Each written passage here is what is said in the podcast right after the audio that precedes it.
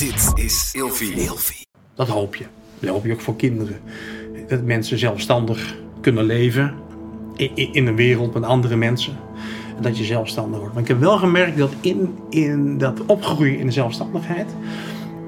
dat het belangrijk is dat ook die spirituele laag van de mensen af en toe aangeboord mag worden. Dat je daar niet bang voor hoeft te zijn. Dat je af en toe ook eens een keer eh, in plaats van altijd eh, vooruit te kijken... of sommigen kijken altijd naar beneden, een beetje de goot in... dat je het soms ook wel eens mag dat je eventjes eh, een beetje omhoog kijkt als het ware. Naar de zon, naar de maan, naar de sterren. Dat dat ook een laag is in de mens. Ja. Je hebt allerlei lagen. En dat je die daar ook niet bang voor hoeft te zijn. Hè? Wat, wat, wat, ja, ik denk dat je, je bent meer als een mens alleen. Hè? Je leeft met andere mensen samen. En die, die is, er is nog wel meer. Hè? Weten we nu van gekkigheid niet hoe we om moeten gaan met het coronavirus. Dat is ook angst. Hè? Ja. Ja, ja. Angst in mensen, collectieve angsten en diepe angsten. En kan doodgaan en verliezen.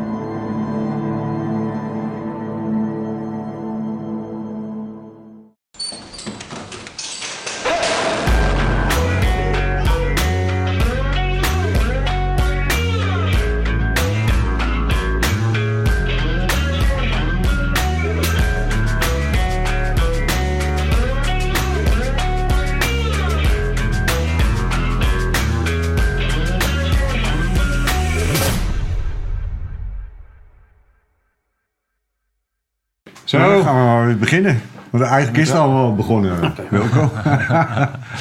Welkom, eh, welkom bij Scherpschutters allemaal. Eh, nieuwe aflevering. We zijn eh, vroeg op. We zijn gisteren weer een mooie scherpschutters training gegeven. En eh, gisteren hebben we ook te horen gekregen dat het coronavirus ons evenement van 14 maart heeft ge gekeeld. Dus we hebben helaas moeten afzeggen. Eh, bedankt voor het begrip en we gaan uiteraard eh, staan we even stil bij alle mensen die eh, direct betrokken zijn bij het coronavirus. Heel vervelend. En voor de rest hoop ik dat, eh, ehm, dat het snel de kop ingedrukt wordt en dat we het Ja. evenement op Nou, een ander dan, moment kunnen doen. Hè? Zo is dat. Als je er geen invloed op hebt, dan moet je er niet al te druk over maken.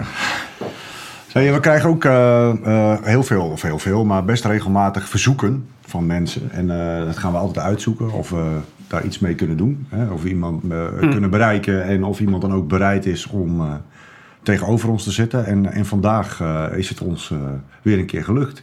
Wilco van Wakeren, Ja, welkom. klopt. Dankjewel. Ja, je was getipt door een, door een luisteraar van ons. Oké. Het is altijd wel weer mooi dat als je dan, eh, we hebben net natuurlijk een bak koffie gedronken, en als je dan aan de praat raakt, dat we alweer allerlei, eh, ja, Ja, eh, we zijn wel weer een postka- podcast verder. Eigenlijk moeten we ook een soort eh, aan de bar versie maken. ja, Ik denk dat Wie het, weet, wie weet. Ja. Ja, het is een beetje een feest van herkenning. Hè? Dus Ja, je- dat is je, het, Je, ja. je roept bij elkaar herinneringen op. Hè? ja, Dus zo, zo of, of ja. in ieder geval herkenning. precies. Ja. Wij, wij zeggen altijd, eh, want, de, ki- want eh, de luisteraars en kijkers die weten misschien niet direct eh, wie jij bent. Dus wij zeggen altijd, wie ben je eigenlijk? ja, dat vraag ik soms ook op mijn leven lang af. Hè, Ja. ben, hè? Dat is een lange zoektocht. Maar ja, Wilco van Waker, ik ben ja, nu, nu inmiddels 54 jaar jong. Eh, gehuwd. We hebben een zoon van, eh, van 20.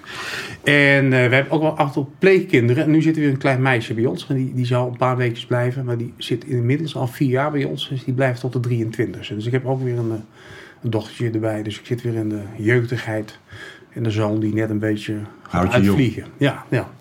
En voor de rest werk ik ja, nog steeds bij Defensie. Dan als geestelijke verzorger. Maar dat, dat, werk, dat is mijn werk. En, en die geeft heel veel mindfulness trainingen. Dus dat is eigenlijk een beetje wat ik me in, verder in ontwikkeld. Ja. En, en eh, kan je ons eens meenemen naar wat je allemaal bij Defensie hebt gedaan? Want het is nogal een staat van dienst. Want je bent nu geestelijk eh, verzorger, maar dan ben je niet gestart, of wel?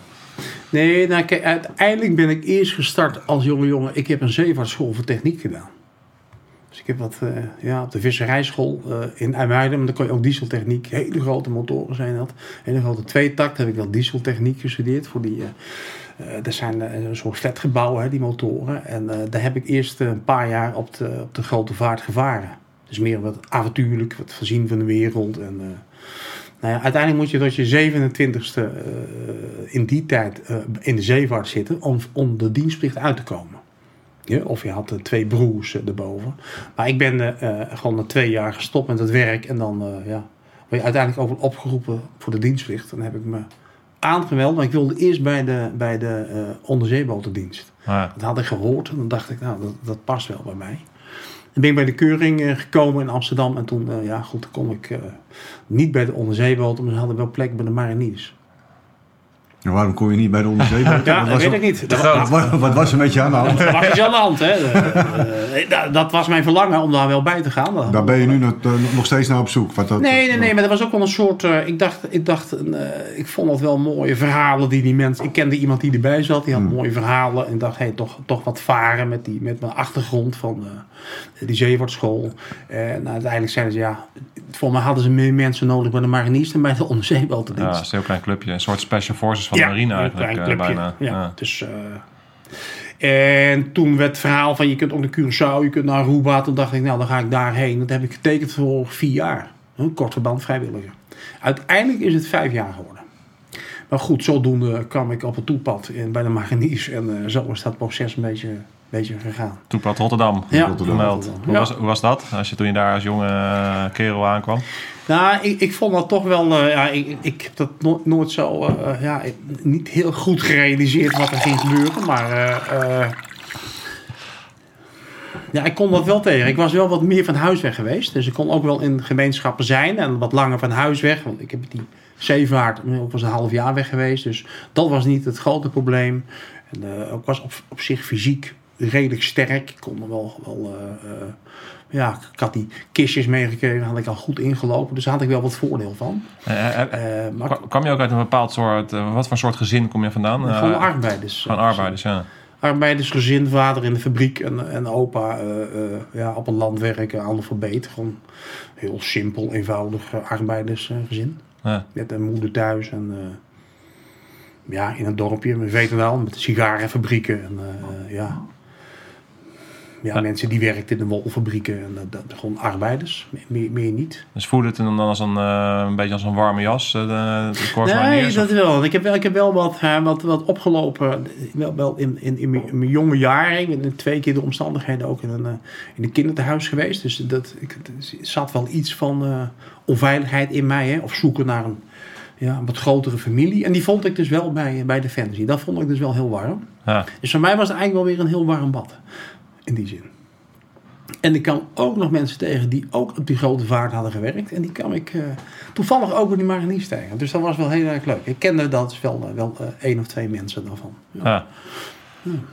Ja. Want ehm, eh, hoe, hoe heeft dat ehm, verder invloed gehad op jouw gedrevenheid? Als je, als je kijkt naar die onveilige situatie uit jouw jeugd hebt gehad. En iets wat wij vaak zien is dat, dat, dat een bepaalde mate van gedrevenheid heb je wel nodig als je bij de mariniers komt. Eh, ehm, heb je het idee dat, dat het, het zoeken naar, naar die soort van die, die, die, dat familiegevoel bij het korps is één, maar ook dat, dat het een soort ehm, zoeken naar naar je plek en dat, dat het een bepaalde gedrevenheid opleverde die je nodig had om bij de mariniers succesvol te zijn? Ja, ik denk ook wel een beetje eh, gezien worden, Ja, gekend dat- worden, dat, ja. gehoord worden. En, en ja, nou, ik denk ook wel in de zin van als je eh, redelijk mee kan komen of je haalt wat. En iedere keer zo van die kleine overwinning. Je kunt, Ja. Iedere week kom je iets verder. En ja, dat bouwt wel een beetje. Ja, het zit, een schaduwkant het bouwt natuurlijk ook wel wat op in je ego, in, in, met het ik-versterking. En eh, ja, en, Ja. met z'n allen iets doen in een groep is er ook wel, wel heel vormend geweest. Ja, Ja, nee, individueel was het me niet echt gelukt. Als ik individueel een studie Nee. had moeten doen of wat anders, dan, dan dat, dat, ik had wel de groep nodig. ja. Eh, zeker in die jaren. Is het een heel, eh, ja. Dus is het fijn om in een groep te zitten ergens. Wat, wat, wat voor iemand ben jij in de groep? Ben jij ook de, de arbeider in de groep? Of nou, eh, ik ben meer. Nou. Ik, ik, omdat ik natuurlijk ook wel veel in groepen heb geleefd, ben ik, al, kan ik wel wat, soms dingen wat sneller doorzien. En ook al soms een beetje de kantjes eraf willen lopen. Of hè, in die zin, een meer de lolbroek Oh ja? in de groep. Ja, jawel. Een rupsende lolbroek, zeg maar. Ja. Nee, maar ik had, het moet wel plezier zijn in de groep. Ja, Het moet wel leuk zijn, hè? Anders, dan, eh, anders wordt het... eh, anders knijpt het mijn keel dicht. Dan vind ik het te benauwend. Ja. Dus ik, ik was eh, wel meer geschikt voor die infanterie-eenheden. Ik heb dan bij die whiskycompie gezeten, wat vrijer. Ik was denk ik achteraf gezien niet geschikt geweest voor... zoals nu, zo DSI of, of arrestatieteams. Want dan was ik te, te, iets te wild voor nog. Wat, wat kan je eens omschrijven? Want de whisky company is voor mijn begrip, omdat Ja. uit het kom. Voor de luisteraars kan je eens omschrijven, wat, wat was de whis- whisky company? Wat maakte dat bijzonder? Nou, het maakte in die zin bijzonder.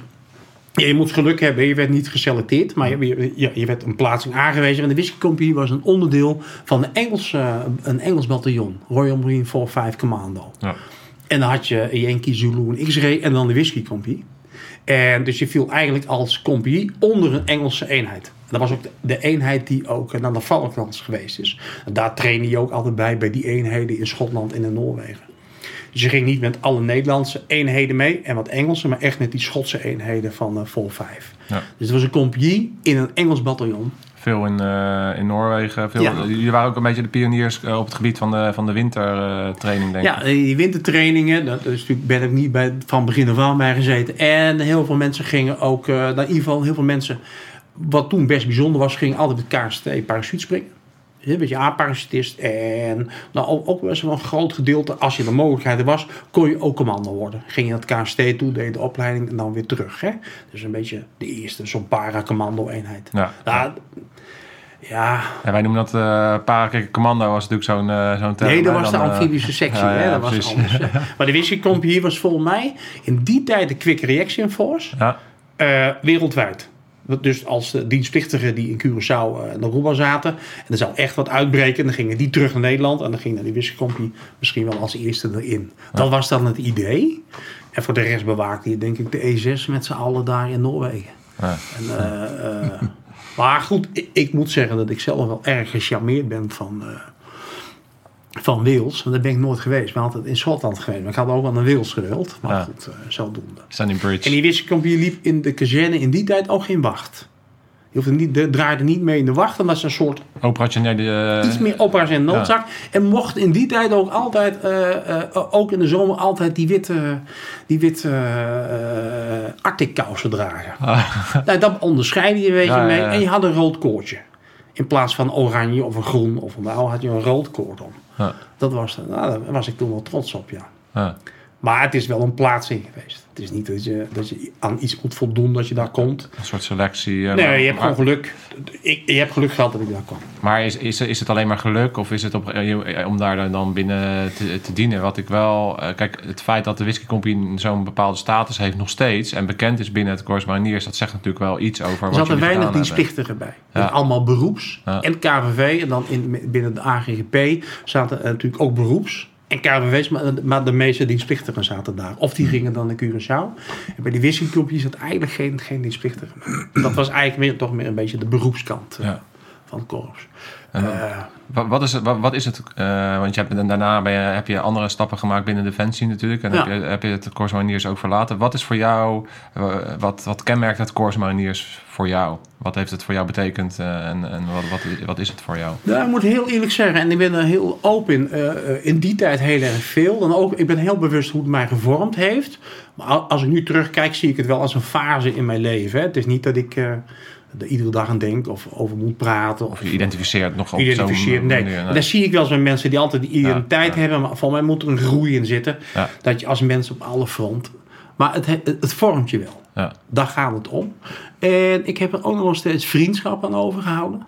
Dus mensen die ik ken of die eh ontmoet. Hè, ik nu ik ben dan geestverzorgende landmacht. En dan zie je ook nog heel veel mensen uit die marinierstijd. Hè. Heel veel mensen gingen in de jaren negentig, moesten de mariniers verlaten. Omdat er geen plek was voor beroepsen. Die stroomden dan in. Hè, overal bij de landmacht en luchtmacht.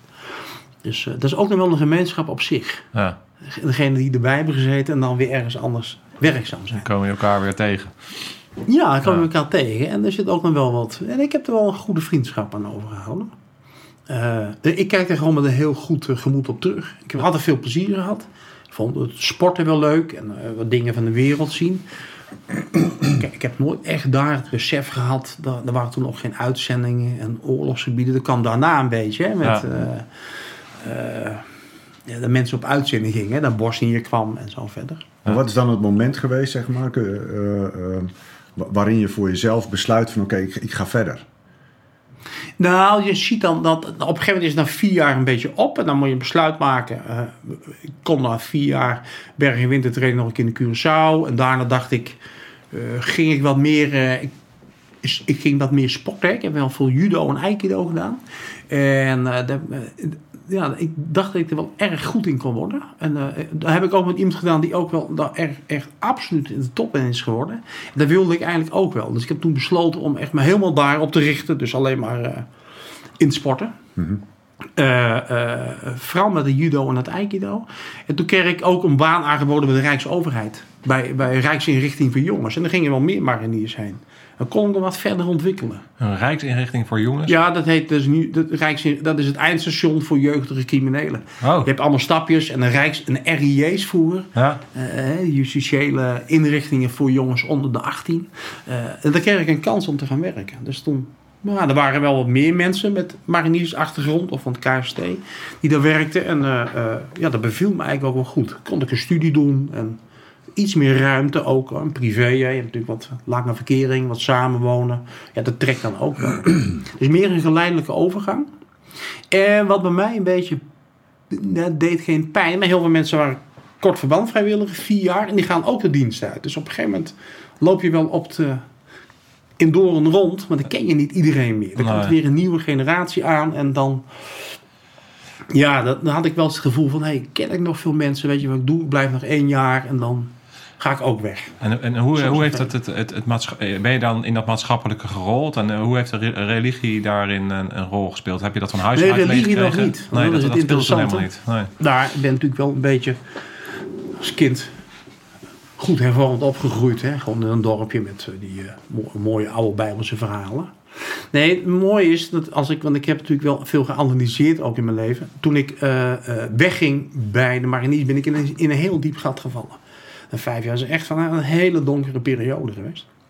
Dat ik echt niet meer wist wie ik was eigenlijk. Hè? Dus jouw vraag van wie Ja. ben je? Je verlies je identiteit. Ja, Voor identiteit. gevoel. En dan moet je weer opnieuw, opnieuw uitvinden. Of een beetje zoeken, waar sta ik nu? Hè? En die veiligheid van die kazerne en een pak aan en een, en een beret op. En je bent iets of iemand. Hè? Dat- maar ja, dat is ook wel een beetje... Ja, ergens is het ook mooi. Maar het is ook, ook niet alles zeggend. Want het gaat ook om het, wat in het pak zit. Hè? Ja. Uiteindelijk gaat het daarom. Ja, ja. Dus ik heb enorm veel vragen gehad. Enorm veel zoektocht. Waarom? Eh, Hoe gaat het leven? Waarom besta je? Waarom ben je? En in, in- ben ik wel bijna in een depressie geland. Ik, ik heb wel, wel vijf maanden. Ik ben toen in eh 1 maart eh, bij Defensie weggegaan, zeg maar. En dan tot aan datzelfde jaar in september. En hoe oud was je toen? Weet je dat nog wel? In 26. 16, ja. ja. Daar heb ik al heel diep, diep, diep gezeten. Ja. En in die tijd overleed ook nog een hele goede vriend van mij. Zo plotseling. Hè? Dus dan, nou, dan ga je wel wat, wat. Dan gaan die processen wat sneller. Eh, en toen ben ik gaan zoeken naar antwoorden. Uiteindelijk eh, dacht ik ze wel eh, te vinden in, in religie. Hoe, hoe, hoe ga je dan op zoek naar antwoorden Ja, je- je- het ik denk dat, ik, dat je heel diep wegzakt in, je, in, in jezelf of in je psyche. Dat je niet helemaal een bodem nog hebt. En je hebt wel een bodem, maar dan kun je heel diep in zakken voordat je die vindt. Ja. En dan, eh, eh, nou, misschien wat ongelukkig, wat depressief-achtig. Zoeken, willen lezen. Ik ben wat, wat in het boeddhisme, wat spirituele dingen gaan zoeken. En ik dacht, misschien ga ik wel wegreizen. En, maar goed, ik liep, liep toch wel vast in mezelf. Vond je in die tijd ook eh, eh, bijvoorbeeld eh, voorbeelden? Of had je mensen om, in je omgeving die je op een gegeven moment inspireerden om een bepaalde kant uit te gaan? Of heb je dat echt allemaal vanuit jezelf gehaald?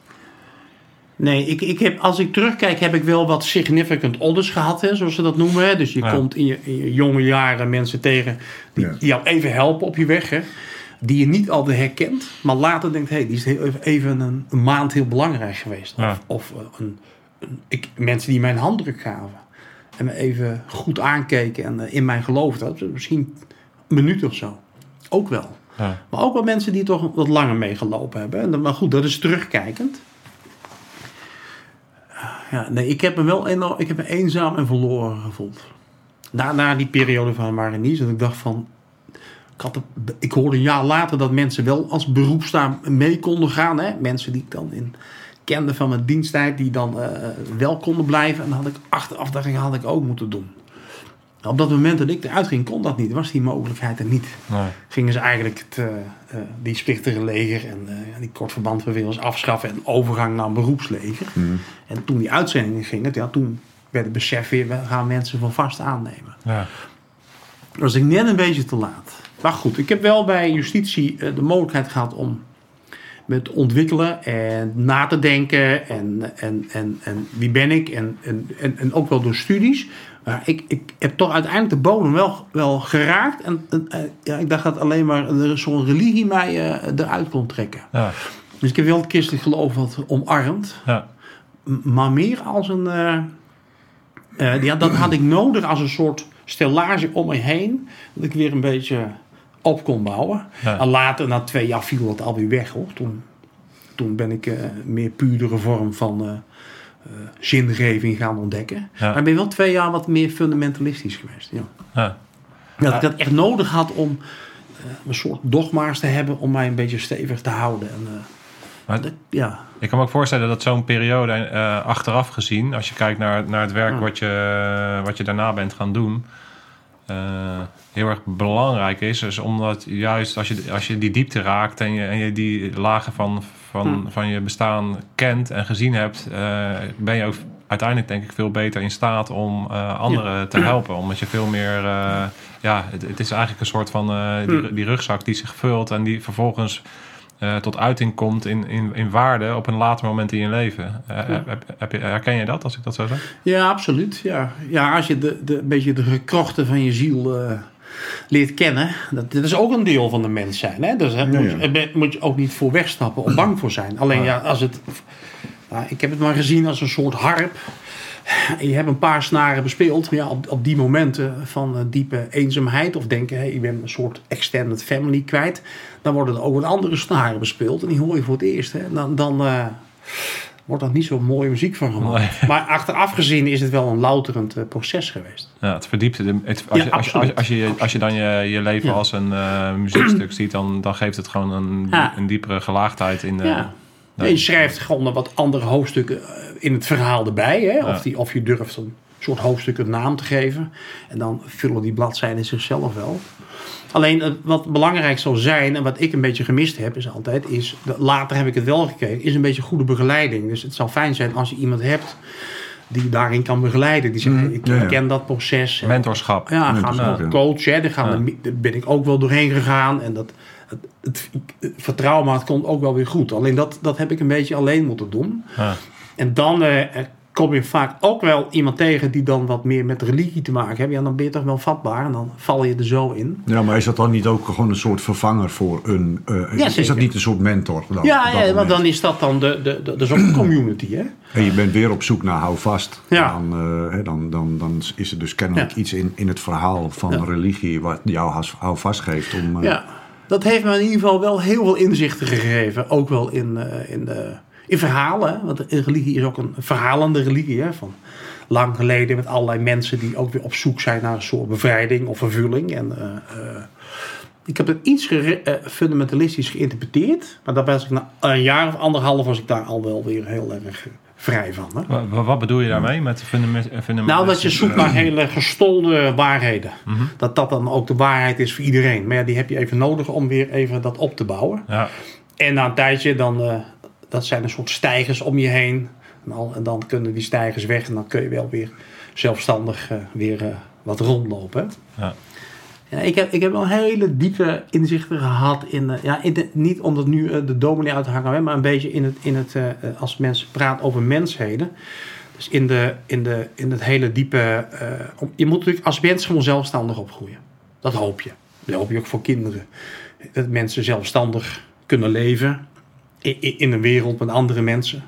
En dat je zelfstandig wordt. Maar ik heb wel gemerkt dat in, in dat opgroeien in de zelfstandigheid dat het belangrijk is dat ook die spirituele laag van de mensen af en toe aangeboord mag worden. Dat je daar niet bang voor hoeft te zijn. Dat je af en toe ook eens een keer, eh, in plaats van altijd eh, vooruit te kijken, of sommigen kijken altijd naar beneden, een beetje de goot in, dat je het soms ook wel eens mag dat je eventjes eh, een beetje omhoog kijkt, als het ware, naar de zon de maan de sterren. Dat dat ook een laag is in de mens. ja. Je hebt allerlei lagen. En dat je die daar ook niet bang voor hoeft te zijn. Hè? Wat, wat, wat, ja, ik denk dat je, je bent meer als een mens alleen. Hè? Je leeft met andere mensen samen. En die, die is, er is nog wel meer. Hè? Weten we nu van gekkigheid niet hoe we om moeten gaan met het coronavirus. Dat is ook angst. Hè? ja. Ja, angsten ja. in mensen, collectieve angsten en diepe angsten. En kan doodgaan en verliezen. En, ja, dat, dat vind ik religieuze vragen. Maar over het algemeen is die diepte waar je inzakt als mens, bestempel ik toch als levensvragen. Ja, het zijn eigenlijk, eigenlijk zijn religieuze vragen allemaal levensvragen. Uiteindelijk is het allemaal vragen van hoe moet ik een beetje leven. Ja. ik, zie- ik, zie het, ik zie het zeg maar. ehm, eh, eh, ik, ik, ik, ik, heb- ik, ben, ik ben niet religieus, maar ik, ken, ik, en ik, ben ook niet spiritueel. Maar ik begrijp wel heel goed wat je bedoelt. Eh, omdat ik bij mezelf heb, heb gemerkt dat hoe, hoe beter je zeg maar alle ervaringen die je in je leven opbouwt, eh, eh, ook onbewuste ervaringen, eh, eh, als Ja. je die kent en die dus rangschikt, ehm, eh, kun je je eigen gedrag veel beter Ja. sturen. En je eigen emotie, eh, die in feite alles begint met emotie, Ja. eh, veel beter begrijpen en, en, en, en te rationaliseren. Dus kom je uiteindelijk tot, tot betere beslissingen of kun je uiteindelijk verbinding maken met mensen. Of, Ja, en dat verbinden maken, denk ik dat dat, eh, dat, dat, dat eh, de een duidt dat als spiritueel, de ander duidt het als zingeving. Maar uiteindelijk, De andere als common sense. Ja. Dat is eigenlijk maar je zult, Ja, uiteindelijk, denk denk ik hè, dat je toch ook wel eh, in plaats van eh, een soort zingeving, dat je ook, wa- want dat is waar we het nu ook over hebben, dat je ook zin moet ontlenen. Je wil ook zin ontlenen aan je werk, aan je leven, aan je bestaan, aan relaties.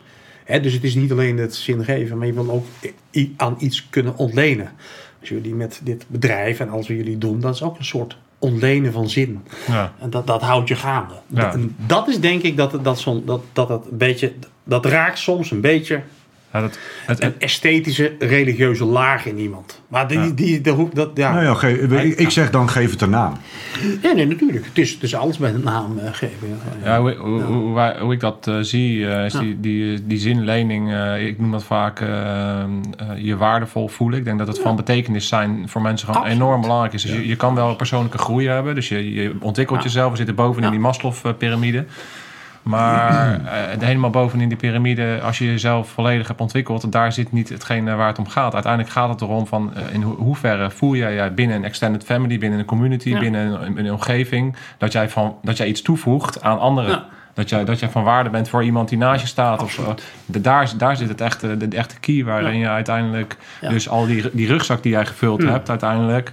Maar je hebt helemaal gelijk, vind ik ook. Hè, dus dat je, de, eh, eh, wat, dat je van waarde bent, waardevol bent. Maar in, in het leven, dat je ook van waardevol bent, heb, hebben mensen grenservaringen. Ja. Kunnen ze in een crisis komen? Verlieservaringen. Hè? Want Ja. je, hecht je natuurlijk ook aan degene van wie je houdt. Maar ja, die, die, die vallen ook weg. Of jouw fysieke gezondheid kan wegvallen bij mensen. Ja. Ja, dus dat, dat noem ik dan grenservaringen. En het gaat er mij een beetje om dat je in het waardevol zijn, hoe ga je om als er zo'n grenservaring in jouw leven of van anderen is? Ja. Ja, hoe, hoe kun je dat duiden, hoe kun je dat zien? En, eh, nou goed, ik, ik duid het soms een beetje meer spiritueel. En Ja. andere, hè, dat- dat is, eh, Maar dat is een, eh, een soort woord, eh, semantische Maar ja, discussie. Kan, je, kan je ons meenemen naar het moment dat je dus eh, vanuit dat eh, situatie, vanuit die religie, ehm, eh, uiteindelijk geestelijk verzorger bent geweest? Hoe is dat gelopen? Nou, ik ben dus uiteindelijk. had ik gewoon geen opleiding. En ben ik bij justitie wat gaan leren en zo verder leren. En uiteindelijk ook. ja, ik kreeg er een aanbod om misschien. om- ik kon dan psycholoog worden. Dan- doe je een intest en dan als je die haalt op de universiteit of een HBO, dan mag je dan verder. Dat hadden mensen dan wel gezien in mij. Van hé, hey, je schrijft mooie rapportjes over die jongens die er zitten. Willen jou aanstatus geven, krijg je onze opleiding. Ja. Zo heb ik dat gedaan. Alleen in die periode van mijn zoektocht ben ik toch wel, had ik meer verlangen naar zingevingsvragen. En dan lopen daar ook geestverzorgers rond. Dan dacht ik, ja, dat past meer bij mij. Eh, heb ik een studie gedaan. Uiteindelijk kreeg ik een onderwijsbevoegdheid. Hè. Ging ik wat lesgeven op school. Hè. Eh, maatschappelijk culturele vorming. en Godsdienstonderwijs. Maatschappelijk, eh, maatschappelijk werk. Aan verpleeg, eh, verpleegkundige. En uiteindelijk ja, kom je op een punt dat je, dat je predikant kan worden. Dat, dat is best wel een ding. En, maar ik werd zeer ongelukkig in de kerk. En ik en mijn vrouw ook. Ik dacht, ja, dit, dit is het niet voor mij. Dit, dit is de... De Clement? Wat, is het, wat was het ja, dat, dat, dat is toch weer het beklemmende van eh, bepaalde waarheden die, die, die absoluut zijn. Terwijl Ja. dat voelde ik niet. Dus dat, Ja. dat, dat ging dus mis. En toen werd er een oproep gedaan dat, eh, dat er weer heel veel legerpredikanten gezocht worden. Ja, toen viel ik bijna van mijn stoel af. Toen dacht ik, eh, toen voelde ik echt... Het vlammetje weer brandt. nou, dat ging, nou, dat is nog zachtjes gezegd. Ik dacht dat, ik, dat mijn hart helemaal omsloeg. Dacht- toen wist ik 100% zeker, dit, dit is van mij. En heb ik gesolliciteerd en rempel ben ik uh, leegpredikant gewoon. En toen liep ik zo weer...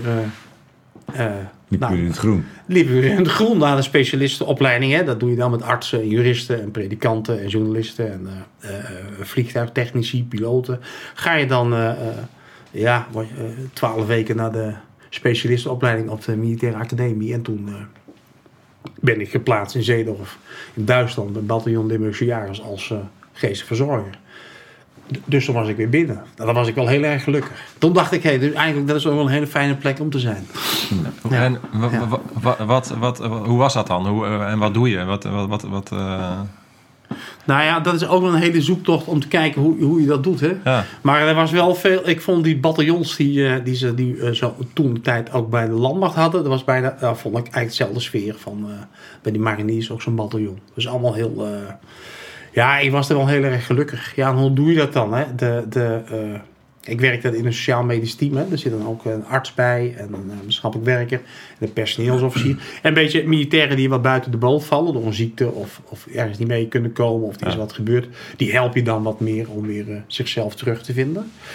En wat mij fijn vond, ik, ik zit dan een soort nulde lijn. Dat is dan dat je in de kring zit van de militairen.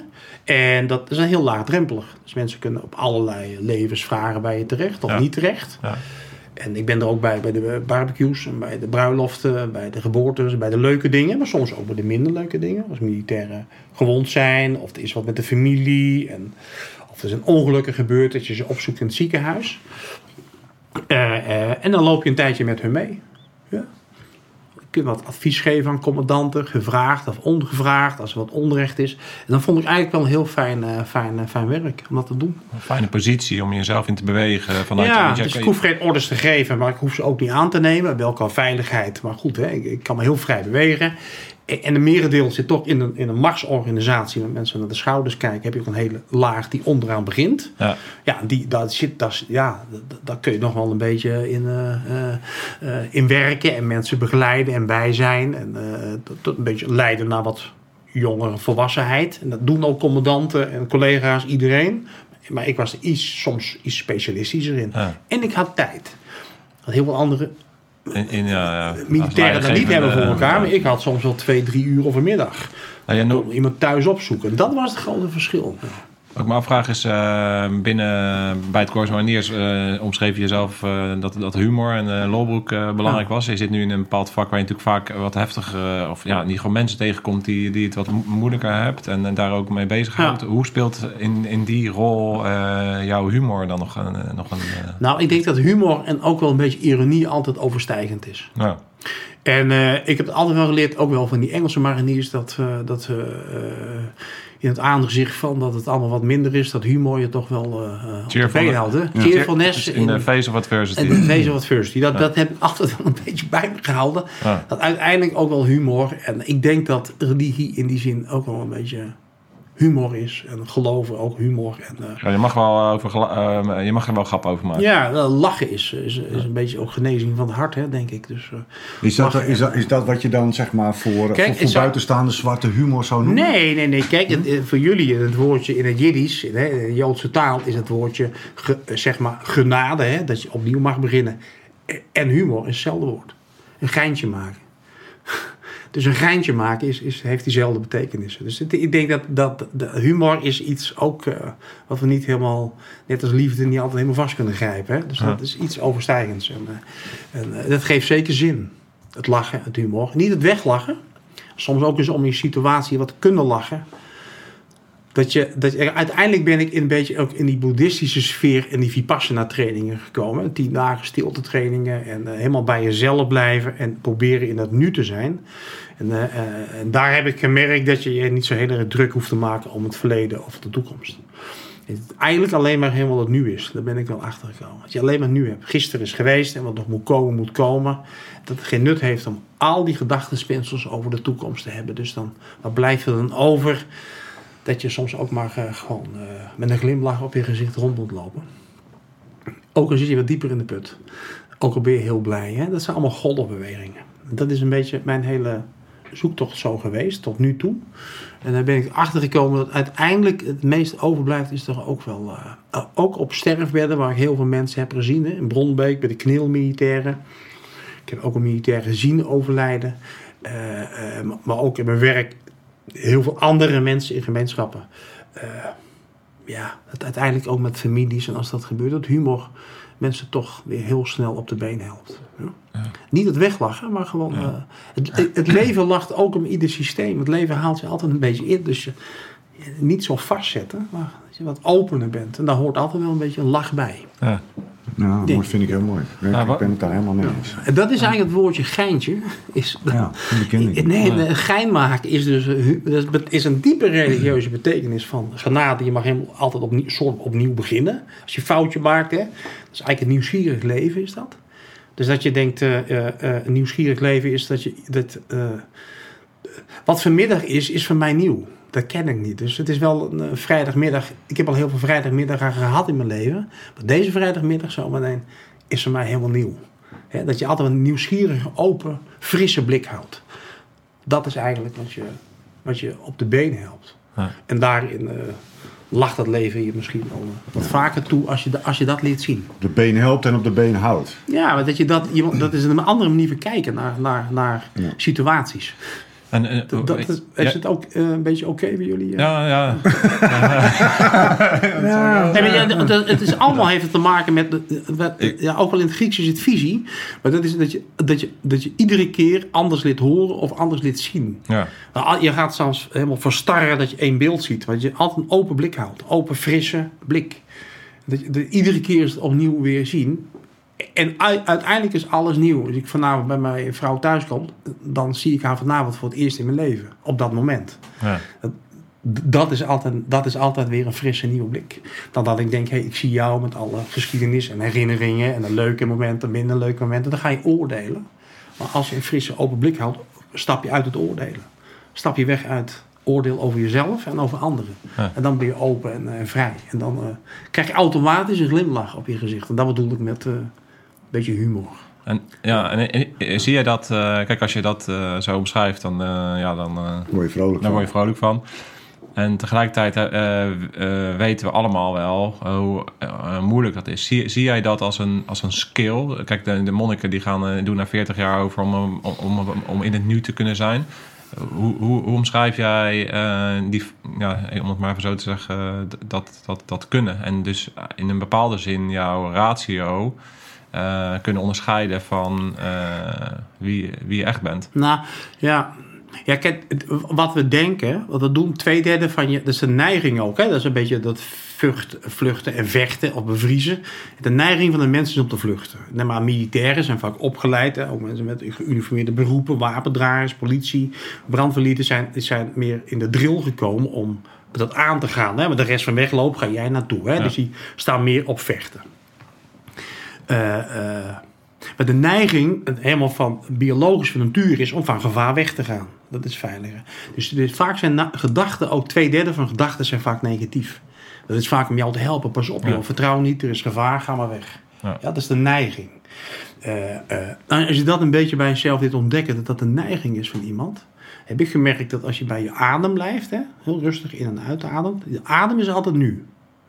Eh, a- Je ademt niet eh, eh, 10 seconden terug, hè, dan, dan moet je mij bellen, want dan ben je, ben je maar je ademt ook niet 10 seconden vooruit. Nee. Dus als je wat automatisch gaat je adem, als je dan wat bewuster van wordt, dan zit je automatisch al een beetje nu. Ja. Dus als je een beetje met schieten, snijper, die ook helemaal in de ademhaling zit, die kan alleen maar nu schieten. Die, die kan niet een seconde terug of later, dan, dan is die mis. Dus dat is ook, nou, dat, dat- al die trainingen, en die heb ik dan wel een beetje gedaan. En op jouw vraag, eh, dat vind ik heel erg interessant. Je kunt dus op, in een klooster gaan zitten achteraf. Kun je leren mediteren. Ja. En dat, dat, dat kan. Dat, dat, dat lukt, hè.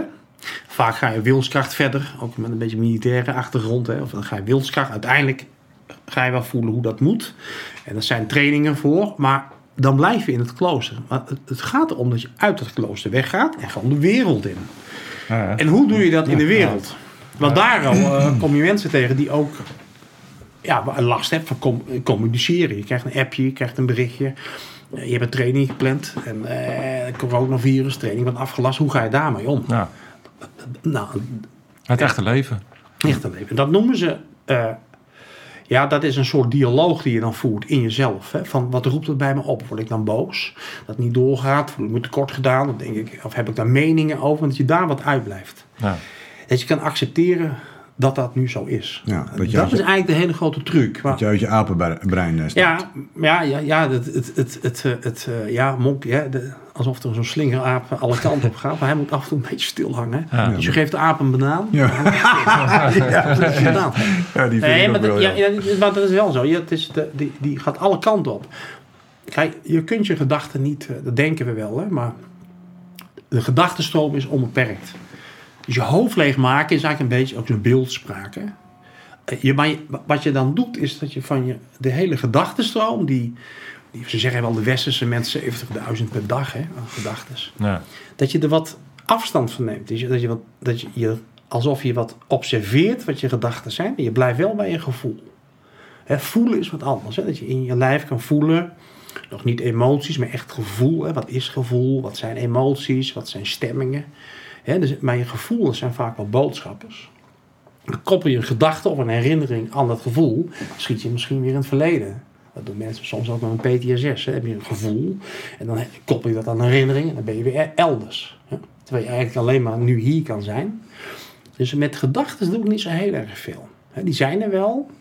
Soms is het een inzicht of een wijsheid, want dat is een derde. Hè. Twee derde is echt negatief. Het is een neiging om eh, niet vertrouwen, vlucht maar weg. Hè. Ja. En eh, eh, als je goed in het nu kan blijven, dan, dan ontwikkel je ook steeds meer vertrouwen. En zekerheid, acceptatie en dan... eh, Maar ook meer zelfvertrouwen. Jazeker, zeker. Alleen het, gevaar is denk ik wel dat je, niet, dat je het niet gaat verwarren met je ego. Want dat is, dat is eigenlijk ook. hè, die kunt ook wel wat een groot ego opbouwen. Maar dat is niet, dat is niet wie je werkelijk Nee, nee, nee. bent. Hè? Maar zelfvertrouwen zie ik zie zelfvertrouwen, Nee. Ja. een hoog zelfvertrouwen, niet Ja. als hetzelfde als een groot ego. Nee, nee, zeker. Maar dat is, dat, soms eh, loopt dat een beetje door elkaar heen. Hè? Maar ik denk dat zelfvertrouwen uiteindelijk, eh, als je dat zou vertalen, gaat het uiteindelijk eh, weten wie je bent, is vertrouwen in jezelf. Ja. En vertrouwen in jezelf bouw je op doordat je bepaalde ervaringen hebt opgedaan en, je, en je steeds meer Ja. weet waar je staat en, en hoe, je, hoe je reageert. En dat- je ook van jezelf op aan kan. En dat je je dus niet laat leiden ineens in een bepaalde situatie door het apenbrein of door de angst of door, Ja. door dingen waar, waar het niet echt Ja, maar het is wel interessant. Hè? Je, je hebt helemaal gelijk. Dat, eh, de, het, het brein is eigenlijk opgebouwd van evolutie in drie lagen. Hè? Dus je hebt, eh, eh, zeg maar, je hebt het onderste, middenste en bovenbrein. Hè? Ze noemen het ook wel reptiele brein. Hè? De Ja. kleine hersenen. En dan eh, eh, eh, het dierenbrein en het eh, mensenbrein. Ja, en het bovenste gedeelte, dat is natuurlijk zit in een soort babbelbox. Hè? Waar al die, eh, En het onderste brein die schiet. Maar het onderste brein is zo oud. De neiging van het onderste brein, hè? wat wij reptiele brein noemen eh, het cerebellum, dat de neiging is bij een beetje spanning of paniek dat die naar beneden trekt. Het is niet zo dat je bovenste brein, wat intelligenter is, maar veel jonger, dat die sterker is als het onderste. Het onderste brein is sterker. Ja. Dus de neiging om te overleven is altijd naar beneden trekken. Dus schiet je altijd weer naar vechten, vluchten of bevriezen. Nou, dan kun je bij militairen, die stappen eruit door een drill vast te houden. Ja. Die gaan de drill in, die gaan procedures vasthouden, dat vasthouden, dat, al, al die. Al. En dan, en dan eh, is die actie over, of eh, de brandweerman komt uit het, eh, is weer veilig, komt uit een brandend gebouw, of de ambulancepersoneel is weg van het ongeluk. Dus de drill heeft ze eh, uit dat vechten of vluchten gehouden. Daarna zul je wel even op gesprek moeten komen. Moet je wel even weer even in jezelf of met collega's eventjes, eventjes bijpraten, kort. Dat vinden we vaak een beetje weeg of zacht of soft. Dat is wel nodig. Hè? Ja, nou, maar ik, dat, daar zie je wel een dat is wel belangrijk. Hè? Dat zie je nu verandering Ja. Hè? Absoluut. Hoe, hoe, hoe ervaar jij eh, weerstand? Want, je, want jij komt, bent, je, je geeft je natuurlijk eh, in een bepaalde wereld en de onderwerpen die wij hier bespreken eh, zijn misschien niet direct eh, dingen die bij een beetje de afgestompte militair direct iets is waarvan ze denken van nou, eh, daar, Nee. daar voel ik iets bij. Eh, ik chargeer misschien een beetje, maar hoe ervaar jij eh, weerstand op eh, religie of meer kijken naar jezelf en, en een beetje het, het, eh, de- die taal die daar omheen hangt? Nou, ik, doe wel, ja. Ja, ik, doe, je? ik doe wel de trainingen bij Defensie, ook de bijvullerstrainingen. En dan komen ze uit alle lagen. Ja. Komen bij ons. Van, van, van, en tegenwoordig is bij Defensie leiden we 400 yogadocenten op. En we hebben ook vier eh yogadocenten van de Marshof. KST heeft ook yogadocenten. De, de, de, de marechaussee ook. Hè? Arrestatieteams, politie heeft ze. Dus dat is, op zich is dat wel wat minder geworden. Ja. Eh, Nou, ik, ik, hoe ik het altijd met militairen bespreek, en ik doe ook al die uitzendconferenties, hè, als mensen bij uitzending gaan, is dat, dat het hoort wel bij professionaliteit. Het hoort bij professionaliteit dat je ook naar jezelf durft te leren kijken. Ja. Niet de hele dag, maar af en toe moet je die laag wel even aanboren. Ja. Wie ben je nu? Maar ook soms eventjes kijken, want ik hoor soms dat mensen namen noemen over hun geliefdes. Dan noemen ze, eh, ik, ik heb een kip, of dat soort dingen. Weet je, dan denk je, zo praat je niet over. Joh man, zonder thuisfront besta je, ben je ook, je, je staat altijd in relatie met andere mensen. Hè? Dus dat je ook een beetje liefdevol leert kijken naar eh, degene die om je heen staan. Hè? En collega's. Eh, eh, en dat, nou, ik denk dat jongere militairen, en dan merk ik ook wel ouderen, er wel open voor staan. Ja. En soms is er altijd een beetje weerstand. Hè? Ja, hoe ben je gevormd, hoe ben je opgevoed? Maar uiteindelijk zien ze het wel als een. eh, ik denk dat je een beter eh, in de geuni- geuniformeerde beroepen, dat je een sterkere persoon wordt. Als je ook die laag durft aan aan, even aan te boren. Ja, hoe ga je om met verlies? Hoe ga je om met afscheid? Hoe ga je om als een collega gewond raakt, dat doodgaat? Eh, Hoe, dat dat- roept toch wat bij je op. Dat heb je ook meegemaakt. eh, want jij Ja. hebt in, Af- in, eh, Afghanistan gezeten. Ehm, daar is natuurlijk ook verlies geweest. Ja. Eh, kan je ons eens meenemen naar zo'n situatie dat, je, dat, dat, dat er zo Ja. speelt en binnen een eenheid? Wat gebeurt er binnen, binnen Ja. een team en binnen, binnen een, eh, een, Nou, eenheid? ik, ik, ik heb vroeger, bij, toen ik bij de eh, mariniers zat in Curaçao, ook wel mensen gezien door een auto-ongeluk overlijden. Hè? Dat je ook met een groepje iemand goed kent en die dan ook, eh, dat ook verdriet was. Ik zelf vond het een beetje raar dat mensen huilden, maar er waren jongens die ook wel gewoon openlijk huilden. Weet je wel. Achteraf denk ik, hé, die zaten beter bij hun gevoel dan ik. En later eh, ben ik in, eh, al in Bosnië geweest. Ik heb eh, in Irak ook eh, eh, gezeten, ook mi- militairen die overleden. En zwaar gewond raken. Eh, en in Oeruzgan eh, meerdere gewonden en eh, mensen overlijden. En ik heb in Kabul gezeten met eh, hoofdkwartier, eh, toen mijn Christel zat. En dan ging ik altijd naar het Frans-Portugese ziekenhuis. Nou, daar heb ik heel veel mensen gezien. eh, die komen overal vandaan, worden die naar de ziekenhuizen gebracht. Dus ik heb wel veel gewonde militairen gezien. Of wat voor gevolgen het heeft. En daarbij heb ik zes jaar op het militair revalidatiecentrum gewerkt in Doorn. En in het militair ziekenhuis in Utrecht. In die periode waar al die mensen herstelden van ja, mensen die benen kwijt zijn. En, nou, wat, mij, wat mij wel, wat ik mooi vind, dat ik een enorme kracht heb gezien die ik zelf nog niet heb. En, en zeg maar gezonde mensen ook niet. Maar heel veel militairen die gewond zijn geraakt, die, die zo'n soort veerkracht hebben. Waar iets vrijkomt tot ongekende hoogtes. Die studies kunnen gaan doen.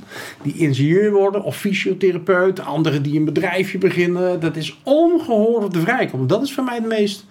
Dat, dat vind ik bijna wel. Dat vind ik het meest verwonderlijke. Wat voor krachten dan om, om die. Waar zit, want dat is de vraag. Hè? Waar zit moed?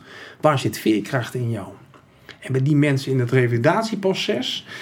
Dat is zo'n prachtig mooi iets van veerkracht vrijgekomen. Dat, dat, daar ben ik heel nederig van geworden. En eh, eh, ja, dat, eigenlijk stemt je dat wel tot eh, een beetje tot stilte. En, en dat je denkt, dat zijn werkelijk hele sterke mensen. Hoe dat toch kan, hè? hoe je zoveel, zoveel kan bereiken dan. En dan komt het wel vrij. Terwijl als je heel gezond bent, hè, dan, eh, dan komt het ook wel vrij, maar niet zo diep als dat je door zo'n heel diep zwaar proces heen moet. Begrijpen jullie Ja, wat, ik begrijp Ik begrijp heel goed wat je bedoelt. Dus eigenlijk ongehoord. wat je in feite zegt is dat zeg maar, de ervaring Ja. die heel Ja. heftig is Ja. en heel veel eh, denkbare consequenties Ja. heeft. ja.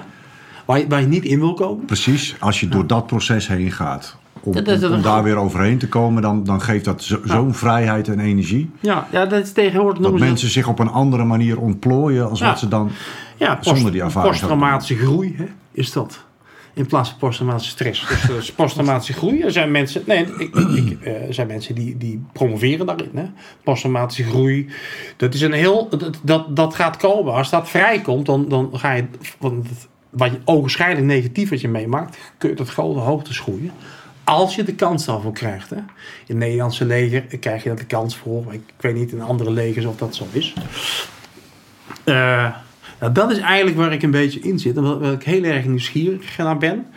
En daar, eh, dat vertel ik ook wel tegen de militairen die dan eh, die bij ons in Beukberg op groepen komen.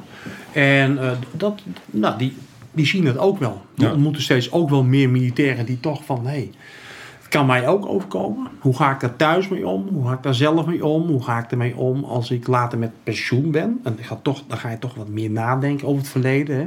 Wie ben je als je, als je geen pak aan hebt? Ja. En hoe, eh, wie, wie ben je dan? Hè? Ik, ik, ik wil liever de mens zien die helemaal naakt is, want dan zie je wie iemand is.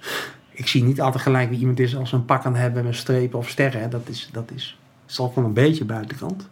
Dat is wat je bereikt hebt als een soort carrière. Maar wie ben je als niemand je ziet? Hè? Daar gaat het om. Hè? Ja. Als je alleen om de douche staat of in je bed ligt, hè? je benen is eraf. Hè? Hoe, hoe ga je dan in die nacht? Wa- Wat gebeurt er dan? Nou, daar heb ik de mooiste, mooiste verhalen van gezien van mensen. En dat maakt mijn werk dan ook, wel- dan mag ik dan soms heel dichtbij zijn. Heel nabij. Dat, dat maakt het wel heel erg interessant. En als je dan eh, eh, met, eh, met zo'n club in de woestijn bent, wat is, wat is dan zeg maar eh, het, het belangrijkste wat je voor jezelf, of, of wat je daar kunt geven aan, eh, aan mensen? Wat is de waarde van een. Nou, de waarde van is wel dat van ik een beetje in dat gebied ben. Ga ik ook wel eens mee naar buiten, maar niet te veel. Moet absoluut niet in de weg lopen. Maar goed, je kunt er wel eens naar een buitenborst toe. Maar de waarde is dat je, dat je... Voor mij is de waarde dat ik tijd heb voor iemand. Dat hij op verhalen kan komen. Ik kan zeggen, nou, vertel me. Ik heb wel een uur of twee uur. Maar dat heeft niet iedereen voor elkaar. Maar ik heb dat wel. Dus ik heb, ik heb tijd. Misschien is dat wel het mooiste wat je een mens kan bieden. Toch? Nou, Ja. Tijd. nou, dat is zeker dat. aandacht, eh, dat is Aandacht. En dat iemand gezien wordt, gehoord wordt, gekend wordt. En soms kun je ook een beetje het verhaal een klein beetje ordenen. Dat je eens een vraag stelt van, hé, maar wat je nu zegt, is, eh, hoe, vertel nog eens een keer. Oké, dat iemand dat, de fragmenten, wat, soms hebben leven mensen wat met losse fragmenten hè, en al die verhalen. En die kun je dan een beetje bij elkaar brengen voor iemand. Zodat die dat eh, op verhaal komen, eigenlijk. Ja. Eh, ja, ik heb gemerkt, en niet alleen ik, maar eh, dat heel veel militairen soms vastlopen. Ik, bedoel niet, ik praat uit de militaire setting, hè, ik bedoel geuniformeerde beroepen. Is eh, dat je een beetje onverwerkte rouw, dus gestagneerde rouw. Dus dat je eh, je flink wil houden, dat je te makkelijk over afscheid heen stapt. Ja. Afscheid nemen, over verlies, of een familielid overleden is. Even snel doen en dan weer verder. Weet je wel? En dat dat soms in bepaalde gevaarlijke situaties, dat dat, dat een trigger kan zijn, dat dat allemaal weer omhoog komt. En dan kun je wat vastlopen. Dus heel veel is wel onverwerkte rouw. Dat je niet goed even je leven beschreven hebt of naar gekeken heeft, aandacht hebt gegeven, even over praat, maar makkelijk wegdrinkt hè, en, eh, of wegsport misschien wel. Lekker lang sporten. Druk, druk, druk. Druk, druk, druk. op- En dan niet, niet helemaal voelen. En eh, dat, dat, dat gaat uiteindelijk, heeft dat wel eh, zijn weerslag. Daar betaal je de tol voor. En mijn werk is om daar soms een vraag over te stellen. Hoe was dat toen dan? Ah, nee, nee maar vertel eens. Maar is, is het, dat, heeft, het, heeft nog, een- het heeft nog een rol, want dat weet jij, kan jij je vast ook nog wel herinneren. Is, ik vond het echt heerlijk. Die zondag was het ene, ene moment in de, als je in de potom zat en je werd eh, Kon je even en, en, dan even, en je hoorde, hoorde je dan eh, hoorde je na een week eh, alleen maar rammen, had je even muziek. En je had vaak even een bak- bak koffie en je kon rustig zitten. En, en- En, een mooi verhaal luisteren. En een verhaal en een kentable. Ja. Ja. Nee, dat weet ik. Ja, nee, dat is, dat is ook goed. Nee, die moment, het ordent dan ook een beetje de week. Ja. En, eh, eh, maar, ik, wat ik, eh, maar ja, dat is ook een samenkomst. Hè? maar is dat iets waar jij. eh, ehm, is het een soort doelstelling die je hebt als jij zeg maar eh, met die jongens op missie bent? Hè, en je bent op de, op de basis en je ziet mensen gaan en je ziet mensen weer terugkomen. Is het voor jezelf een soort voorafgestelde eh, eh, missie of doelstelling? Dat je mensen op gaat zoeken. En als er mensen zijn waarbij jij merkt van hé, hey, hier komt niks uit. Ben je dan spichtig dat, dat, dat, dat er iets moet zitten? Uit, eh, Nee. Probeer dat te begeleiden of laat je op je afkomen? En wat er op je afkomt, dat orden je voor mensen om het in een wat meer eh, hapklare blok Nou ja, het ordenen kun je met zo'n eh, zo, zondagse viering. Is geen kerkdienst, maar gewoon een viering. Kunnen mensen heen, even andere taal, andere, andere woorden. Of misschien eens een keer een lied of een ritueel of een symbool. hè. De hele defensie barst van de rituelen. Vlag hijsen, stilstaan, schoenen poetsen, allemaal rituelen. Hè. Eh, eh, noem het maar op. Hè. Eigenlijk is onze taal ook allemaal ritueel. Allemaal, allemaal in onze woorden. We zijn, denk ik, in principe rituele wezens. Eh, zonder dat we het zelf doorhebben. Als je toch eens kijkt hoe je een afscheid van een militair doet. Dat is één groot ritueel. Dat is één groot, bij wijze van spreken, mooi kerkelijk ritueel. Met groeten, een vlag omhoog. Hoe mensen, hoe, hoe, hoe, mooi mi- militairen of politieagenten heb ik ook gezien een kist dragen van een collega. Als je dat, die symboliek, dat is voor mij puur, dat- is ongehoord. Dat vind ik spiritualiteit bijna. Zo voorzichtig met de anderen omgaan, op de schouders dragen, een vlag eroverheen, bloemen, groeten, stilte. Dat zijn allemaal rituelen. Het ordent de rouw. Dat ordent alles in je leven. In zo'n remceremonie, iedereen staat daar stil. Er komt een collega voorbij met dezelfde kleren aan, dezelfde haardracht. Rijdt daar doorheen, dus de dood komt voorbij terwijl jij stilstaat bij het leven. Dat is toch, dat, dat kan ik zien. Ik voel een beetje hoe dat werkt in mensen. En eh, daar vind ik fijn om deel van uit te maken. Ik kan dat een beetje begeleiden ook. Dus dat Ja, heb ik, ik wel vind het ontdekt. echt, eh, ik vind het heel bijzonder. Het- En, en Maar dat zijn allemaal rituelen. Ik, en eh, waar ik ook nieuwsgierig naar ben, want wat mij opviel is dat jij, eh, zeg maar in het filmpje wat die, die luisteraar van ons meestuurde, werd jou een vraag gesteld. wat jij.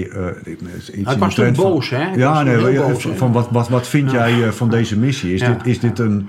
Is dit een, eh, eh, Vechtmissie. nou, een peacekeeping, eh, opbouwmissie, ja, sorry. opbouwmissie. En ten, heb, heb jij, eh, ben jij zeg maar eh, op een bepaalde manier niet gebonden aan het, het eh, Ja. doen van uitspraken? Heb jij daar vrijheid in? Ik heb, daar, ik heb zeker vrijheden erin. Alhoewel dat nu wel een beetje meer beperkt wordt. Maar wat ik toen gezegd heb, wilden ze mij ook voor ontslaan. Er is heel veel gedoe over geweest.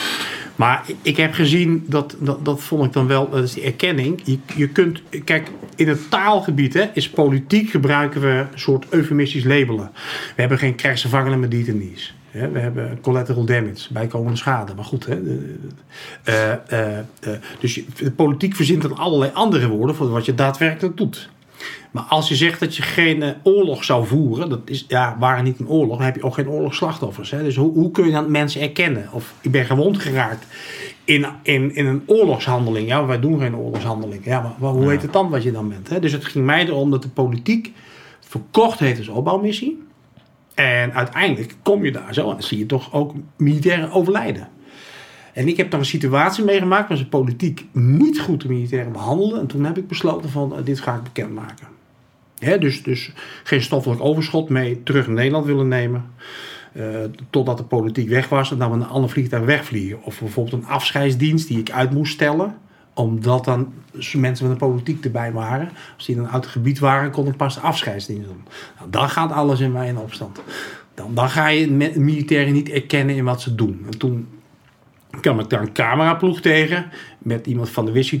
Die had dat bedrijfje. En, die was geluidsman. En dan ook eh, eh, iemand van Reporter. En die hadden daarvoor al een heel mooi programma gemaakt. Over een eh, chirurg. En toen deden ze het over mij. Het jaar daarop hebben ze het over een andere iemand gedaan. En er was eigenlijk niks aan de hand. Defensie vond dat fantastisch. Zeg, dan kunnen we laten zien hoe goed de zorg is van mensen. En dan het viel politiek een beetje verkeerd. Ja, dan gaat het voor mij ook verkeerd vallen. Maar in die zin heb ik wel bescherming. Want ik heb wel... eh, eh, je kunt niet een geestelijk verzorger zijn spreekrecht ontnemen. Dat is onmogelijk. Dat kan niet. Hè? Ik heb een ambt. Dus dat is eh, beschermd. Dat is, dan zou een advocaat ook niks mogen zeggen. Dat, dat is onmogelijk. Hè? En ik heb, ik heb ook een zwijgrecht. Zwijgplicht, maar ook een zwijgrecht. Maar ik, ik heb het toen niet monddood laten maken. Want ik vond dat militairen recht hadden. En ook het thuisfront om gehoord te worden. Wat hun Ja. eh, eh, zonen en dochters zei toen eh, doen. Oh, mooi. Ja, ik, vind, ik vind dat daar altijd wel een be- behoorlijk spanningsveld zit. En ik, eh, ik vond het in ieder geval eh, een verademing dat daar gewoon iemand in een mili- mi- mi- militair tenue eh, gewoon zegt waar het op staat. Ja, je, je, je- zag ook dat er militairen gewond raakten. En je ziet ook dat militairen doodgaan. Dus dat kun je, dat kun je niet ontkennen. Dat bij opbouwen eh, gebeuren ook dit soort dingen. Maar het beeld is dan in Nederland... we bouwen alleen een schooltje op. Maar dat was Ja. niet zo. Me- mensen gaan ook dat... We hebben iets van 187 in de periode gewonden. Hè? 24 dode militairen. Dat is toch... eh, kun je niet wegwissen. Het opbouwen, dan die moet je erkennen. Ja. En dan doen maar een militair keer tien. Hè? Met vader, moeder, broer, zus, buurman, oom, tante. Het raakt niet één militair, het raakt een hele eenheid. En in de familie misschien nog wel 30 mensen. Dus ja, die aantallen doen maar keer 10 of 20. Dus het raakt heel veel mensen. Nou, dan is het fijn als gewoon het juiste verhaal verteld wordt. Ja. En, eh, maar dat is nu inmiddels wel duidelijk. Maar toen waren er nog geen gewonden in Ja, jij zegt in 2007, Ja. dat was precies in de periode dat, dat ook, ik was OMLT. En toen kwamen inderdaad die beelden voor het eerst op NOS. Dat wij onze eh, buddies, die zouden- liepen dan eh, te schieten en te doen. En het was van, eh, hey, wat zijn we hier nou aan het doen? Is het nou eh, vechten of is het nou zo, nee, het is gewoon dus, Nee, die verhalen van OMT eh, waren er toen ook. En die zag je. En dan dacht ik, nou ja, goed. Iedereen dat ik verteld heb, vond iedereen heel fijn. Ja. Alle militairen. En eh, dus sommige mensen lastig. Ik ben uiteindelijk wel beschermd. Hadden we een nieuwe generaal. Die was vanuit de politie gekomen. En die zei, eh, je hebt wel het juiste gedaan. dus die mooi. beschermde mij toen al. Ja. Hey.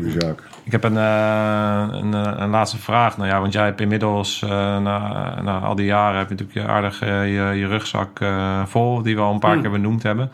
Ehm, wat zou jij aan jonge militairen willen meegeven, of jonge politieagenten of mensen die aan het begin van Hmm. hun eh, loopbaan staan? Wat zou jij willen meegeven vanuit jouw eh, kijk op het leven en op het leven binnen, binnen een, een, een beroep Ja. zoals dat? De, de menselijke kant. Hè, dus, dus, en durf, durf, durf te praten over je gevoel. Met iemand. Met een buddy of een meerdere. Of iemand die een hulp- of zorgverlener is. Maar als je wat was zit, hou het niet binnen. Du- Durf het gewoon eens te delen en te vertellen wat je voelt.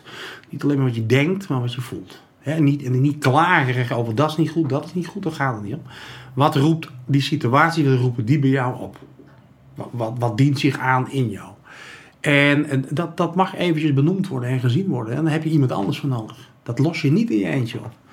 Daar heb je altijd een ander voor nodig. Dus een, eh, een, eh, een mens alleen is geen mens. En een militair of een politieagent alleen is ook geen politieagent. Dat is, een, dat is iemand met een pak aan. Je bent altijd met z'n twee of drie of vier. En je leeft in een gemeenschap. Durf daar eh, wel eens iemand in te vertrouwen. Dat zou ik mee willen geven. Dus de menselijke kant zien. De militaire kant, de, de, de opleidingskant komt wel goed. Dat zit wel, de drills zitten wel goed. Dat komt allemaal wel oké. Maar uiteindelijk lig je ook een keer alleen in bed. Of sta je onder de douche. Of ben je ergens alleen aan het wandelen. En dan, hè, dan komen die vragen wel omhoog. En, en, en hoe geef je daar uiting aan? Ja, dus eh, eh, op verhaal komen doe je altijd met iemand anders. Dat is mijn... En verhalen moet je bouwen. Je bouwen. je leven lang. bouwen. Ja, dat, het, we weten van in de menselijke ontwikkeling, dat stopt nooit. Ja, Dat gaat vanaf je eh, geboorte tot aan je dood. mooi. Bouw altijd een verhaal.